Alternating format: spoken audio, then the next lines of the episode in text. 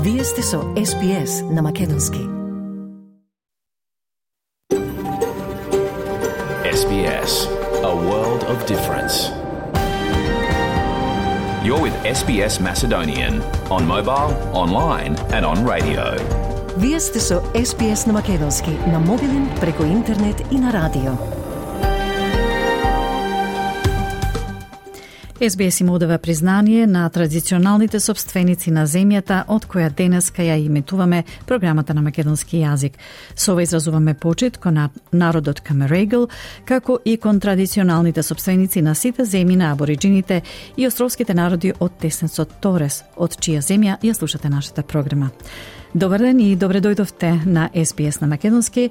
Денеска среда, 1 февруари 2023 со вас е Радица Бојковска Димитровска. Веднаш накусо што имаме за ова издание на СБС на Македонски, повестите од земјава и странство ќе известиме и за наактуелното од Македонија, каде Министерството за внатрешни работи презема активности за обезбедување мирно и безбедно чествување на годишнината од раѓањето на македонскиот револуционер Гоце Делчев. Од домашните теми се осврнуваме на предупредувањето од страна на ATO, односно Австралиската даночна канцеларија, за појава на лажни профили на социјалните медиуми кои што имитираат даночни службеници со цел измама на клиентите. Потоа ќе слушнеме дали една чаша млеко од камила дневно би можело да помогне во одржување на здраво ниво на шекер во крвта и дали би можело да стане дел од третманот за луѓето со диабетес. И кон крај го продолжуваме разговорот во врска со поставувањето нови камери на патиштата што го најавија властите во Викторија, со цел да се детектираат возачи кои при возење користат мобилни телефони или кои не носат безбедносен појас. Бројни студии, како што ќе слушнеме, откриваат дека а, испраќањето SMS порака додека возиме е еквивалентно на содржина на алкохол од 0,08% во крвта. Значи за толку паѓа концентрацијата кај лицето кое вози. Еден од нашите соговорници смета дека тоа е многу полошо. Ќе слушнеме подоцна зошто. Најнапред вестите со Ана Коталеска. Ана повели. Благодарам Радица, добар ден и од мене. Во овој билтен Пени Вонг го повика Обединетото кралство да се соочи со своето колонијално минато. Полицијата презема законски постапки за да блокира протест на погребот на кардиналот, на кардиналот Џорџ Пел. Македонија е рангирана на 85-то место од 180 држави и територии, според перцепцијата за корупција во јавниот сектор во 2022 година и бројот на жртви од експлозијата во џамија во Пакистан продолжува да расте. На СПС на Македонски следуваат вестите за 1 февруари 2023 година. Јас сум Ана Коталеска.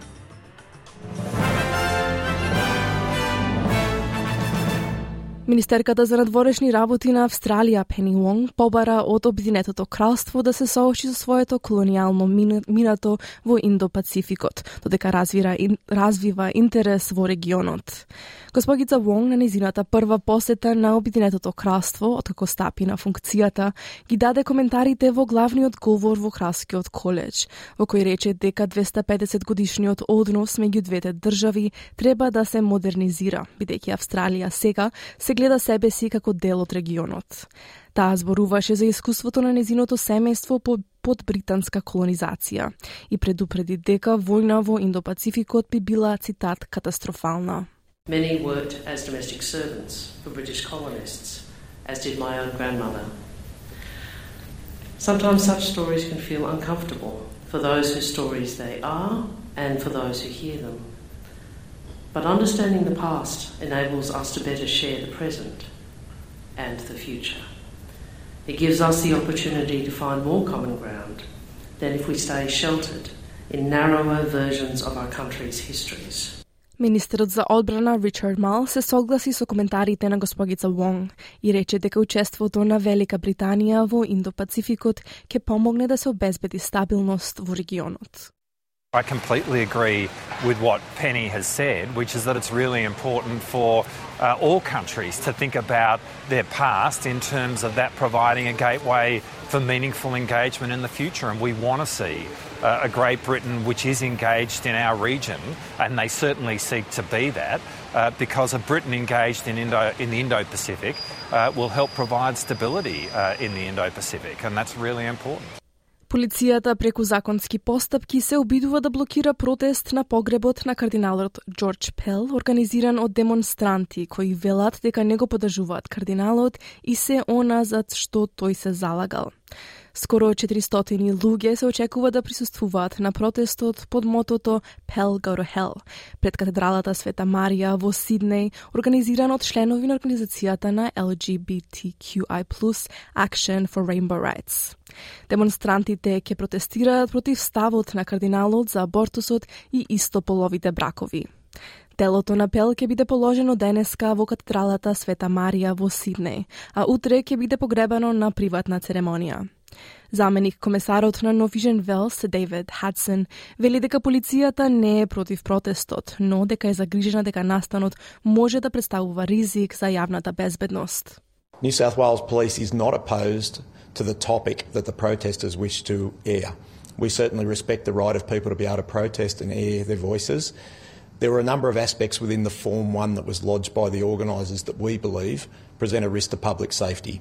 We have attempted to negotiate with those organisers, however, that's proven unsuccessful.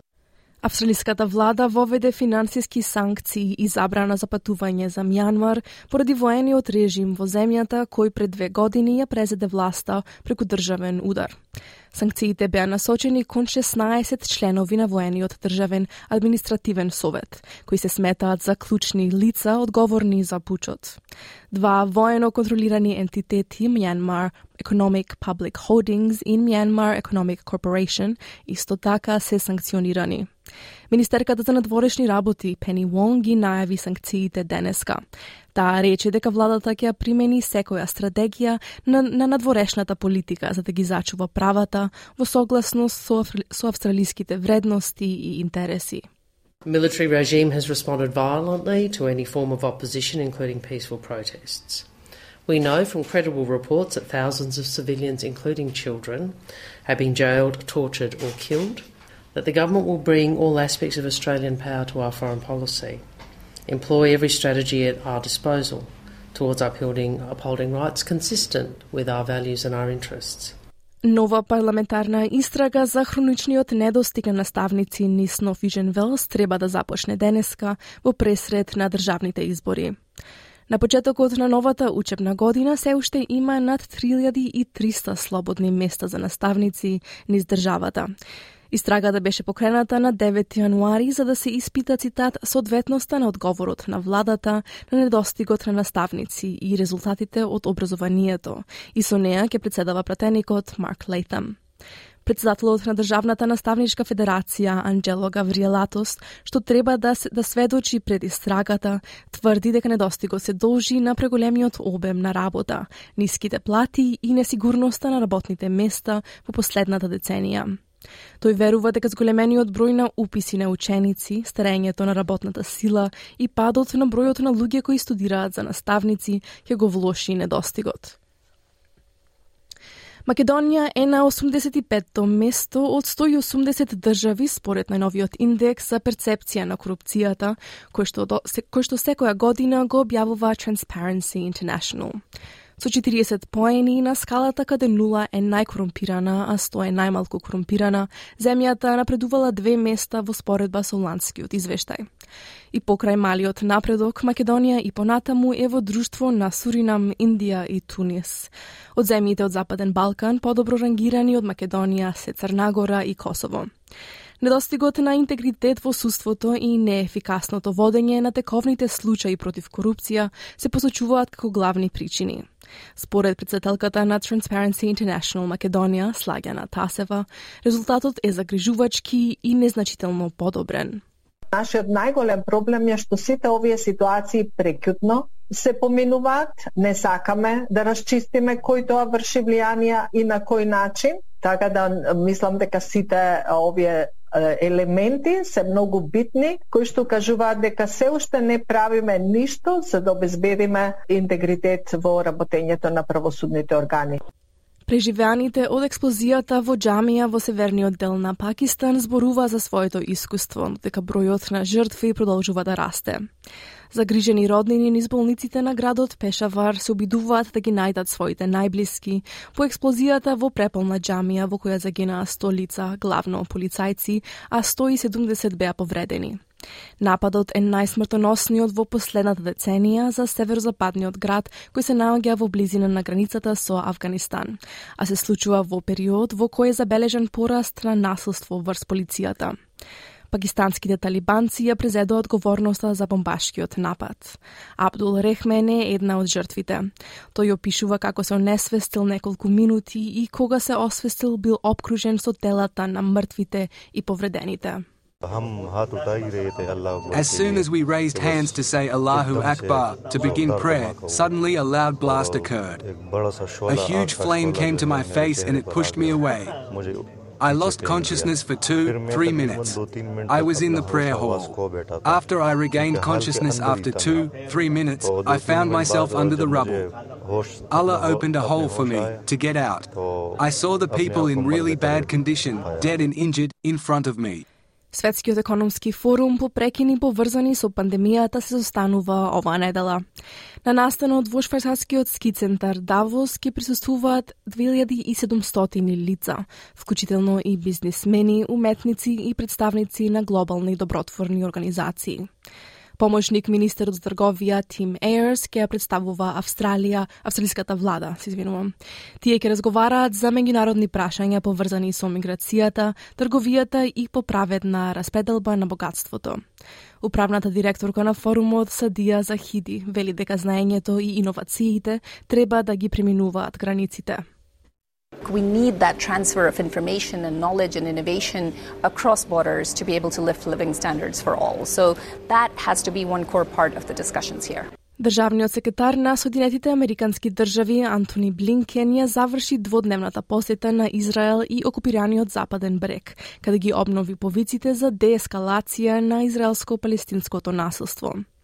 Господин Блинкен во понеделникот ги повика Израел и Палестина да ги деескалираат зголемените тензии од минатата недела.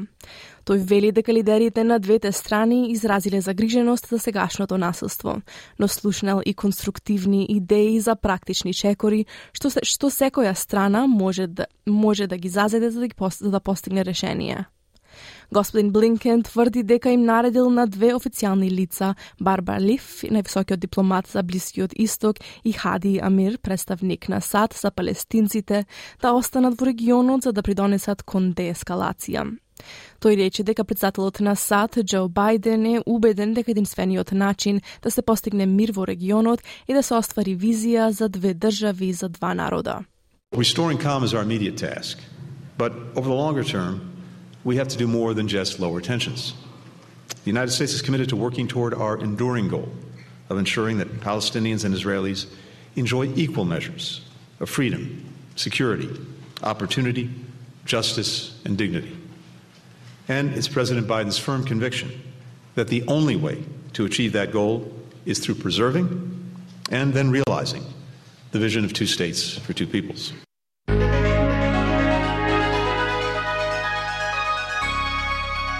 Од најновата курсна листа денеска, еден австралиски долар се менува за 0,65 евра, 0,70 американски долари и 39,80 македонски денари. Додека еден американски долар се менува за 56,23 македонски денари, а едно евро за 61,13 македонски денари. И на кратко временската прогноза за главните градови за утре, четврток 2 февруари. Сончев во Перт 35 степени, ветровито со слаби повремени врнежи во Аделаид 21 степен, 23 за Мелбурн со слаби повремени врнежи попладне, краткотрајни слаби врнежи за Хобарт 21 степен, 25 за Канбера делумно облачно. Делумно облачно во Сиднеј 30 степени, делумно облачно и за Брисбен 31, слаби повремени врнежи и можна бура во Дарвен 32 степени и 29 за Алис Спрингс сончево.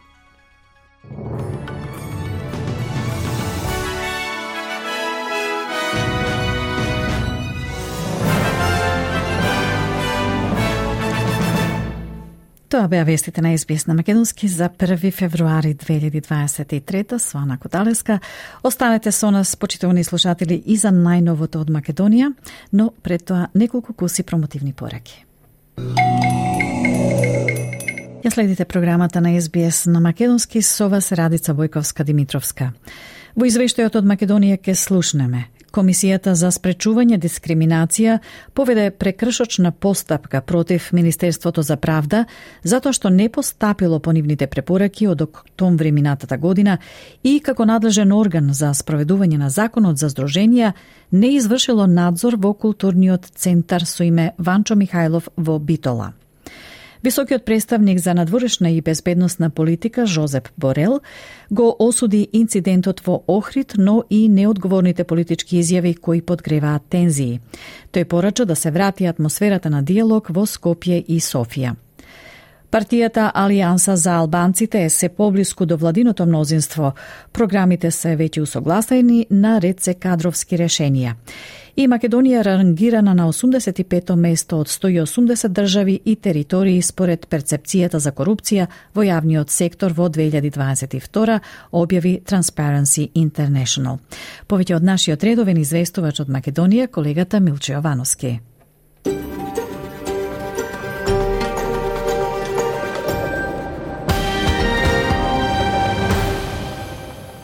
МВР ги презема сите потребни активности за обезбедување мирно и безбедно чествување на годишнината од раѓањето на Гоце Делчев. Тогаш кога ќе се процени дека треба да има поголемо присуство на полицијата, ќе го има, рече министерот за внатрешни работи Оливер Спасовски во изјава за медиумите.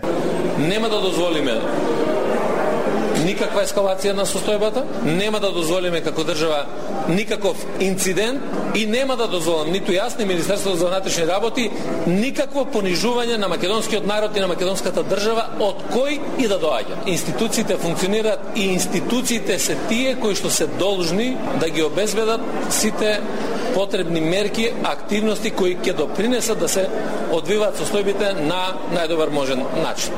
Во однос на бугарскиот европратеник Ангел Джамбаски и дали ќе биде пуштен во држава на 4 февруари, Спасовски рече дека на основа на сите анализи ќе ја донесат одлуката. Поделуваме информации во однос на тоа што се очекува, а одлуките ќе ги носиме кога ќе дојде време, рече Спасовски.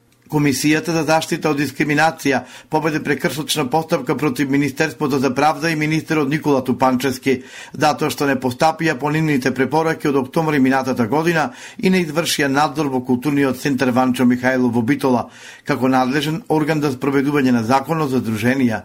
Комисијата смета дека културниот клуб Панчо Михајлов нема согласно за употреба на името, поради што треба да биде поништена регистрацијата на ова дружение, но од правда добила одговор дека надлежен орган е Централниот регистар. Од правда не сакаа да коментираат за прекршотната постапка што е поведе Комисијата за заштита од дискриминација. Високиот представник за надворешна и безбедностна политика Жозел Борел со осуда за инцидентот во Охрид, но и на неодговорните политички изјави кои како што рече подгреваат тензии. Порача да се врати атмосферата на диалог во Скопје и Софија. And I am reassured by the statement from your authorities that those responsible will be brought to justice. At the same time, we hear unacceptable statements made by some nationalist politicians inciting hatred and implying violence. This can only further escalate tensions. Бугарски државјанин го тепал Христијан Пендиков, секретарот на бугарскиот клуб Цар Борис III во Охрид. Тоа не е лицето кое е во притвор за депачката, туку лицето кое се уште во бегство по инцидентот. Телма доби потврда за ова откако завчера пратеникот и поранешен министер Даниел Лорел од партијата продолжуваме по промените на поранешниот бугарски премиер Кирил Петков го изјави тоа во телевизиско интервју при што откри и дека Пендиков е само бугарин по чувство, но без бугарско државјанство. Лидерот на Алијансата за албанците Арбен Таравари и премиерот Димитар Ковачевски два часа разговараа како мнозинството да се зголеми за 8 пратеници. Таравари со себе носеше програма од пет точки, меѓу кои гаранција дека ќе поминат уставните измени, кои се услов Македонија да ги почне преговорите со ЕУ. Посредбата Таравари пред медиумите кажа. Генерално околу 90% од, програм, од програмските определби се синхронизирани. Се надевам дека во текот на денот и од владата ќе излезат за, за работите кои што се договорени. За кадровските решенија воопшто не зборувавме, оти траеше ова подолг период. Се надевам дека деновите што се пред нас, ќе ги отвориме и кадровските решенија. И премиерот Димитар Ковачевски посочи дека за кадровските решенија не се разговарало, а за тоа дали се усогласени со актуелниот владин партнер алтернатива околу влезо на Алијанс за албанците во влада. Ковачевски посочи дека имале состаноци, а ќе имаат и нови во наредните денови. Извршниот одбор на СДСМ смета дека соработката со Алијанса за албанците ќе даде додадена вредност за граѓаните од повеќе причини. Меѓу нив според изјавата на портпаролката Богдан Какузиска, е тоа што ваквата соработка ќе помогне во борбата против корупцијата, во забрзување на економскиот развој и напредок на државата, во зголемување на ефикасноста во собранието со цел побрзо носење одлуки и друго. Ова исто така ќе значи зголемување на парламентарното мнозинство. Тоа е чекор напред за проширување на Сојузот за поддршка на членството во Европската Унија со сите реформи, чекори и потребни одлуки. Македонија е на 85-тото место од 180 држави според најновиот индекс за перцепција на корупцијата, кој што секоја година го објавува Transparency International. Со 40 поени на скалата каде нула е најкорумпирана, а 100 е најмалку корумпирана, земјата напредувала две места во споредба со ланскиот извештај. И покрај малиот напредок, Македонија и понатаму е во друштво на Суринам, Индија и Тунис, Од земјите од Западен Балкан, подобро рангирани од Македонија се Црнагора и Косово. Недостигот на интегритет во судството и неефикасното водење на тековните случаи против корупцијата се посочуваат како главни причини. Поред председателката на Transparency International Македонија, Сладјана Тасева, резултатот е загрижувачки и незначително подобрен. Нашиот најголем проблем е што сите овие ситуации прекјутно се поминуваат, не сакаме да расчистиме кој тоа врши влијанија и на кој начин, така да мислам дека сите овие елементи се многу битни, кои што кажуваат дека се уште не правиме ништо за да обезбедиме интегритет во работењето на правосудните органи. На партиски собир на Дуи, Артан Груби кажа дека е надмината последната пречка за изградба на коридорот 8 Цитирам, денеска после година и пол италијанската компанија Иреда ја достави банкарската гаранција, и го подпиша банкарскиот договор за консултанти надзор за изградба на коридор 8. Соба се надмина последната пречка за реализација на најголемиот проект о независноста на државата, рече Груби. За овој проект се предвидени 300 милиони денари од буџетот за 2023 година. Договорот со Ирада ќе се подпише во четврток, после се отвора патот да се почнат преговорите со Бектеленка.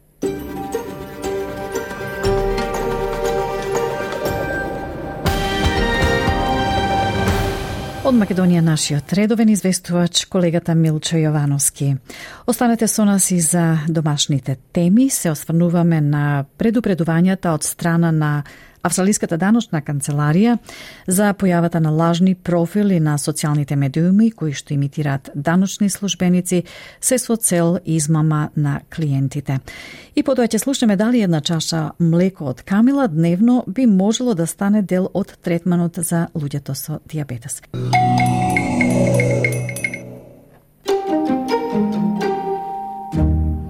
На СБС на Македонски денеска среда 1 февруари со вас Радица Бојковска Димитровска. Проложуваме со домашни теми. Предупредување беше издадено до клиентите да не ги користат социјалните мрежи за да комуницираат со Австралиската даночна канцеларија. Причината е што почнаа да се појавуваат извештаи за лажни профили на социјалните мрежи кои имитираат даночни службеници и жртви кои биле измамени со илјадници долари. Ви го пренесуваме прилогот на SBS News од Тајс Очиузи со повеќе поединости.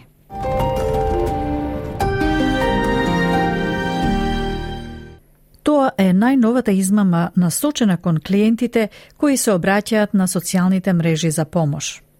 Профилите кои се представувале како вработени во Австралиската даночна канцеларија или ATO, или испраќале директни пореки или коментирале на објавите на потрошувачите, пошто ги краделе нивните лични податоци.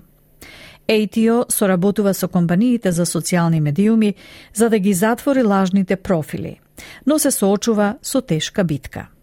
Тим Лох е помошник комесар на ATO. Тој вели дека потребна им е помош од јавноста, од која бараат да биде предпазлива, додека даночната служба ги затвора профилите. И им советува на сите кои не се сигурни во интеракцијата со некој профил на социјалните медиуми, да ја проверат страницата на ATO www.ato.gov.au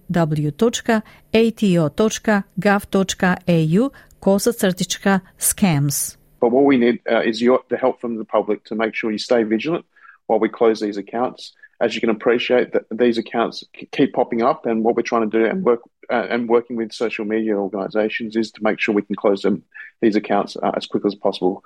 One tip I have for, for people if they're unsure of the interaction with the um, with that particular uh, social media account is to check out the ATO's website uh, at www.ato.gov.au forward slash scams. Помошникот комесар Лох вели дека кога клиентите објавуваат онлайн и бараат помош, лажните профили директно контактираат со нив и им нудат да помогнат во решавање на проблемот. Тие потоа ќе побараат од корисниците да притиснат на линк или да дадат доверливи информации онлайн. Господин Лох вели дека ова треба да биде знак за клиентите дека нешто не е во ред – и нагласува дека ATO никогаш не ги прашува клиентите за нивните лични податоци преку социјалните мрежи. And what we're saying to people uh, engaging um, with these uh, accounts on social media is this. The ATO will never ask for your personal information over social media. Во 2022 година, австралиците изгубија речиси 570 милиони долари поради измами. Инвестицијските измами им однеле на жртвите најмногу пари, но најчесто пријавувани биле измами со така наречен фишинг, лажни профили и измами при онлайн шопинг. Имало речиси 16.000 пријави за случаи со имитирање на даночната канцеларија, при што биле изгубени речиси 80.000 долари и откриени чувствителни лични податоци. Најголем број пријави дошле од лица на возраст од над 65 години – Професорот Најджел Феер е експерт за сајбер безбедност на Универзитетот Монаш. Тој вели дека оваа нова тактика на измамниците представува дополнителен предизвик за спроведување на законот. Според него не било направено многу, но ниту можело да се направи многу, бидејќи измамниците постојано прават лажни профили на ATO. Работите се влошени и со фактот што, додава тој, Вработени во ATO имаат своји профили на социјалните мрежи, кои се јавни и на кои се гледа нивното вработување. Па така, криминалците лесно ги користат тие податоци за да се престават како легитимни. Well, there's not a great deal that has been done, and to some respects, there's not a great deal that can be done. There's the people that are perpetrating this are making spoof ATO accounts. That's also exacerbated by the fact that there's ATO employees that have their own social media accounts which are public and uh, state their employment. So the criminals are leveraging off that degree um, of legitimacy. Даночната служба ги советува клиентите да внимаваат на синото штиклирање на социјалните мрежи, како потврда дека тоа е официјален профил. Но професорот Фе вели дека дури тоа не е сосема сигурно. Синиот знак, вели тој, може да се купи на Твитер – па така и тоа не ја потврдува легитимноста на некој профил. Според него посигурно е луѓето да отидат на владините профили и да ја видат URL адресата. И посочува дека клиентите треба да размислуваат за други начини на комуникација со владините агенции, а исто така и владините агенции треба да размислуваат за начините на кои комуницираат со потрошувачите. You can buy the blue tick off Twitter.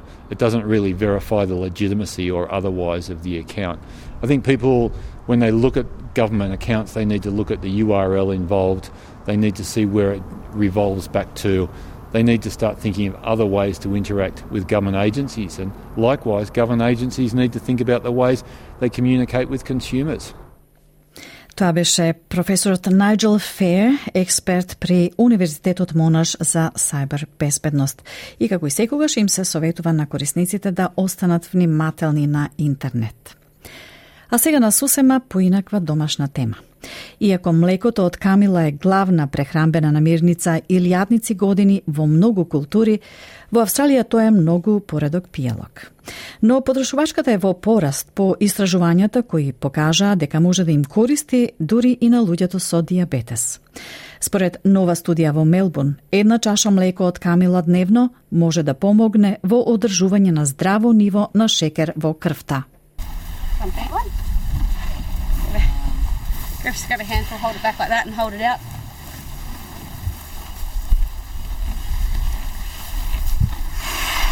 Oh, don't sneeze. Откако пораснала на фарма за млечни производи, Меган Уилјамс сакала да се обиде во нешто малку поинакво. Во изминатите 8 години таа одгледува камили за млеко во Кјабрам, во северниот дел на Викторија – Меган вели дека за камилите често има погрешно мислење. Многу луѓе велат дека тие можат да клоцаат, плукаат, да касаат и иако тоа е точно во случај кога некој ги вознемирува, сепак тие животни се поврзани во тесни семени групи и не сакаат да бидат оставени сами. They're really, really family animals, so a lot of people I think camels are sometimes a bit misunderstood. A lot of people go, oh, they can kick and they can spit and they can bite, and that's all very true. They can do all of that, but you'd have to be doing something to upset the camel for it to want to do that. So yeah, they're tight knit family groups. They they never le- like being left on their own. Um, so even if we've got one that we need to be working with, we'll always give it a friend to have, so it's not always on its own. Традиционално популарна во блискоисточните и африканските заедници, во Австралија тоа е мала индустрија, со само неколку млекарници за камели низ целата земја. Меган Уилјамс долго време ги промовира придобивките од пиењето млеко од камила, честопати како замена за луѓето кои се алергични на кравиото млеко. Таа појаснува дека првата вочлива разлика е бојата. Млекото од камилат, вели таа е многу, многу побело од кравиото млеко. Nutricionistički pak ima malku masnotiji, nisko nivo na laktoza i bogato je so kalcijum, magnezijum i železo. Vonego ima duri i vitamin C, veli gospođica Williams. So the first uh, notable difference in camel milk is just its color. It's really, really white compared to, I suppose, cow's milk. Um, nutritionally, it's naturally low in fat, um, it's low in lactose, and it's higher in calcium, magnesium, potassium, iron, even has vitamin C in it. А новото истражување пак сугерира дека млекото од камила може да има и друга употреба, како дел од третманот за луѓето со диабетес тип 2. Доктор Кристи Ди Джиакомо од Универзитетот во Мелбурн водеше студија која ги истражуваше ефектите на млекото од камила врз свињите, бидејќи тие имаат сличен дигестивен систем како луѓето и додека ги хранеле со млеко од камила, се покажало дека тие можат да одржуваат стабилна концентрација на гликоза во крвта, без да користат дополнителен инсулин. What we were looking at was using the pig as a model, which has a really similar digestive system to humans, so it's good to show what might happen. Uh, we fed the camel milk to the pigs, and we actually showed that they were able to maintain a steady glucose concentration uh, in their blood without having to use extra insulin. So they were somehow able to use that insulin a little bit more effectively. Гликозата, форма на шекер, се претвора во енергија од хормонот инсулин, кој што се произведува во панкреасот. За луѓето со диабетес тип 2, инсулинот не може да го регулира нивото на гликоза во крвта, а премногу гликоза во крвта може да доведе до низа здравствени проблеми.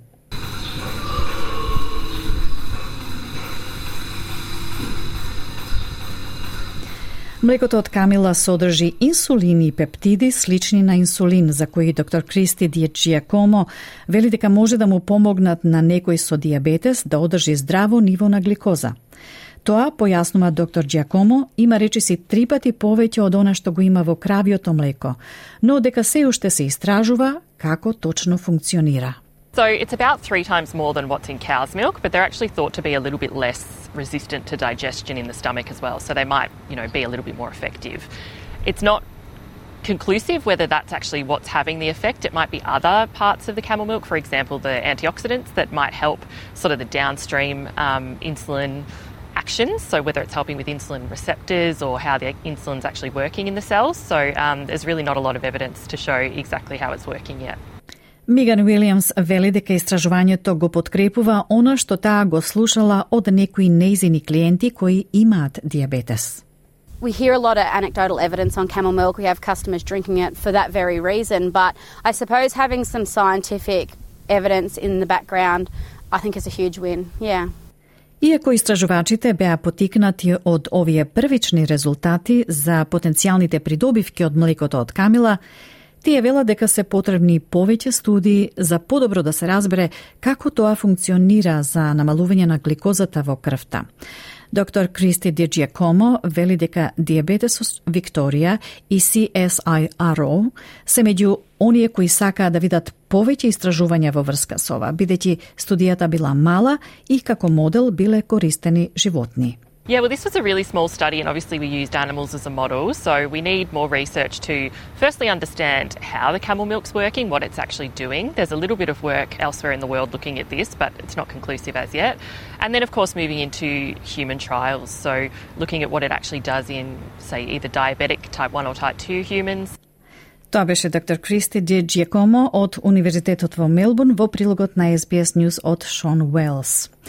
Останете со нас, почитувани слушатели, за следниот прилог во кој ќе слушнеме што мислат нашите соговорници за поставувањето нови камери на патиштата што го најавија властите во Викторија со цел да се детектираат возачи кои при возење користат мобилни телефони или кои не носат безбедносен појас.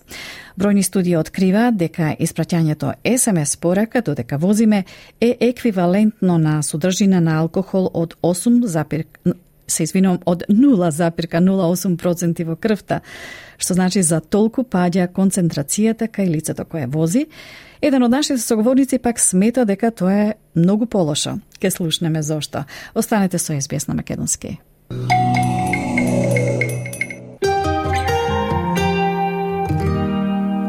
Ја следите програмата на SBS на Македонски со вас денеска е Радица Бојковска Димитровска.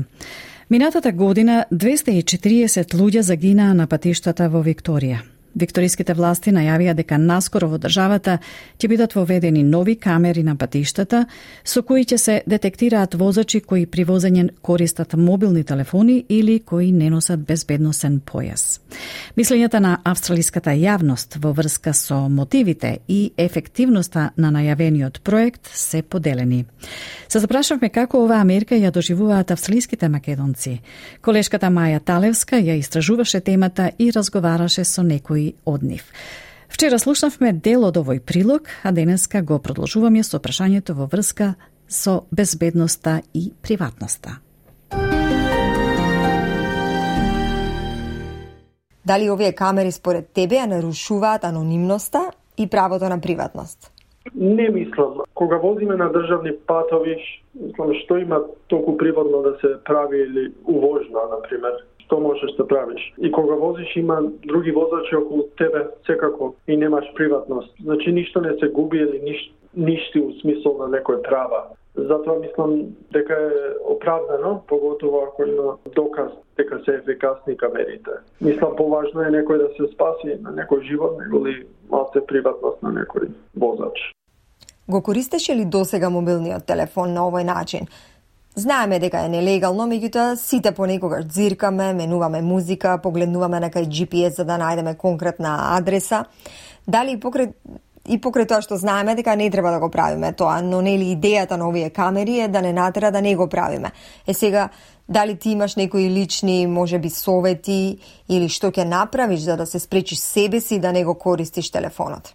Сега, по нови векови, например, сите имаат а, тоа hands-free, директно се уклучува телефонот ако некој повик добиваш преку, преку колата, тоа нормално е легално можеш. Да. А, а например за пораки, тоа е да јас имам предно така погледнато порака или ти и многу лесно можеш концентрација да, да изгубиш а, по патот. Поради тоа јас нема повеќе да го дигам телефонот така, ќе оставам легнат на лицето, а и на тивко, за да не можам да видам ако некој ми ти порака, за цела концентрација да ми е на, на патот во Божи. Бројни студии откриваат дека испраќањето текстуална порака додека возиме е еквивалентно на содржина на алкохол во крвта од 0,08%. Ете толку за толку ни паѓа концентрацијата. Да, Бога ми, ја мислам и може и поопасно е, исто како што вика чорак да возиш. 0,8 ако си, например, а, пак очите да ти се на патот, е, мислам, по... А, Потрезвено ќе биде, по-концентрирано. Да, точно. Да. Пак по-добар преглед имаш. Едно лично прашање. Дали ти се случило да бидеш ангажиран со мобилниот додека возиш и онака за малку да избегнеш инцидент? Да, ми се има случено и тоа доста ме исплаши и ми mm -hmm. покажа што може да се случи и колку брзо. И затоа више не користам така. А, ако треба, ќе застанам некаде да прочитам или, или на црвено светло, пак и тоа не треба да се прави. Mm -hmm. а, ама барем колата не, не возам во тој момент. А што се случи? Каква беше ситуацијата? Епа тоа и го дигнав телефонот да видам порака, не гледав пред мене, колите пред мене беа застанати и одеднаш требаше да закочам за малце ке собракај ќе направи. На многу минани се има случано нешто слично и верувам дека ќе ја научиме лекцијата без да мора да платиме висока цена за тоа. Се надевам дека овие камери ќе не спречат да направиме инцидент. Точно, точно. Да, мислам ќе се ефикасни до кој степен не знам, тоа со време ќе видиме, ама казните се високи и доволно високи за луѓе да, да помислат неколку пати пред, пред да го дигнат телефонот или да возат без појас.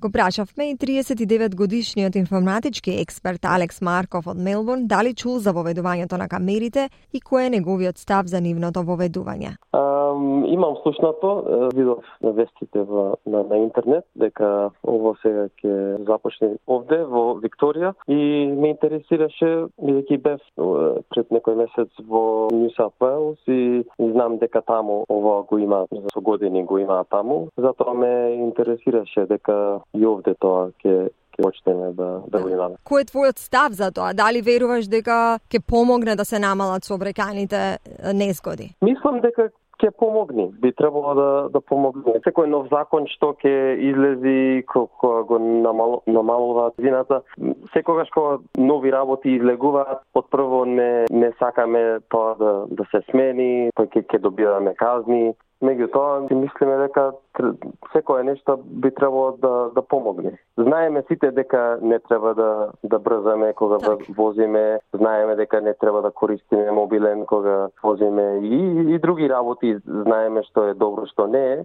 И, ама сега закон ќе биде и значи мора построго да да, да се пазим. Сушност закон постои сега, но сега полесно ќе можат да не фатат кога го правиме тоа. Дали ти лично си добил некоја собрекајна казна до сега? Да, имам добијано за брзо водење, ама не, не за долго време. А, мислим, кога, кога да помлад побрзо возев и кога ми стигнаа казните беа доста доста пари за за мене во тоа време и од тогаш смена стабилно на на возењето и од тогаш ретко ретко да добијам казна. Оти повеќе се се пазам да да не добијам казна. Значи казните се ефикасни всушност во промената на нашето однесување. Дали си го користел досега мобилниот телефон во смисла да пишуваш пораки или и дали овие камери ќе те натераат да не го користиш да смениш нешто во однесувањата? Прво да, го, го користам од време до време мобилниот, било за порака или за, за, за други работи, не е важно. Мислам како, како многу други да се го користиме, ама по, гледаме поскришно да го користиме, случајно да не помини полиција да не види. Од сега ќе треба, јас си знам дека повеќе ќе се пазам, пример си купив држач за телефонот за да ми стои горе, да, да не ми види блиско до рака и потешко да ми види за да можам да пишувам порака или било што. Од, од кога го купив, менав како како користам телефонот. Не не го користам на секое, го оставам дури да стигнам до кај што одам или мислам тоа помага. И како што ти реков, преска табијата малце по малце се се менјава. Дали Алекси ти се случило заради користење на телефонот, без разлика дали за порак или за било што, да имаш она near miss incident, што го викаме, за малце да избегнеш да. некоја. Дали ти имаш таква ситуација, искуство? Е, да, може два-три пати ми се има слушнато како за, за малце да, да удрам во друга кола или во, во нешто, да, да, си, си има, си има да сам. Тоа е непријатно искуство, нели? Да, да. И, и кога се деси, кога ќе кога, кога ќе се деси, си си мислиш дека треба треба да пазиме повеќе и да ги правиме тие работи што знаеме се забранети. За, за, за тоа е законот таков. Да, баш се отрезнувачки во одредена смисла и свикаш леле за малце може да, да се надам во ситуација со страшни последици. Да.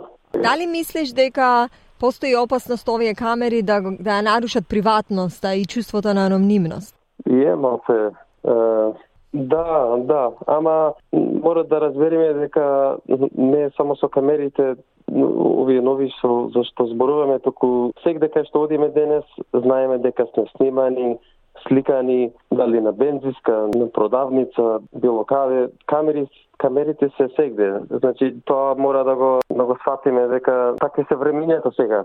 Такви се законите смеат да не снимат, да не сликат било каде И ово, мислам, не прави многу разлика од тоа. Ти самиот си информатички експерт и верувам дека полесно ја, прифа, ја прифаќаш таа нужноста што ја носи развојот, што го носи развојот на технологијата, бидејќи се ова резултат да. на развојот на технологијата. Да, да, точно.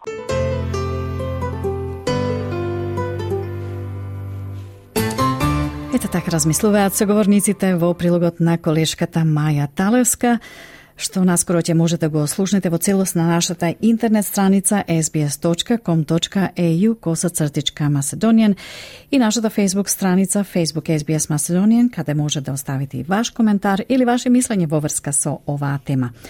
Да подсетам дека таму ќе може да најдете и бројни други прилози и разговори на разни теми. Се приближуваме кон крај и на ова издание на SBS на Македонски за 1 февруари 2023, па да подсетиме на некои од настаните на денот.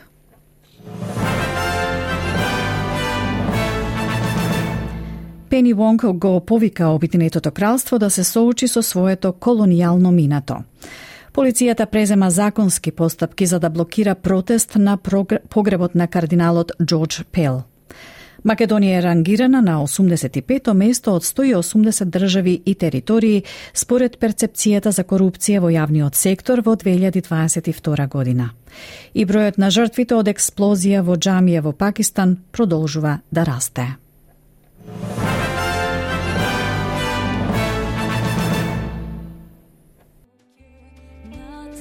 Почитувани слушатели, ви благодарам што бевте со нас во изминатиот час. Се надевам вашето друштво ќе го имаме и утре, кога меѓу другото, меѓу другите содржини ќе разговараме со уште еден австралиец, овој со делумно македонско потекло и тоа од Буково, кој прави вистинска разлика во животот на многу луѓе, не само во Австралија, туку и во повеќе други држави.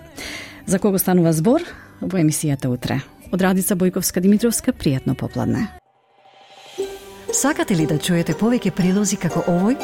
Слушате подкаст преку Apple Podcasts, Google Podcasts, Spotify или од каде и да ги добивате вашите подкасти.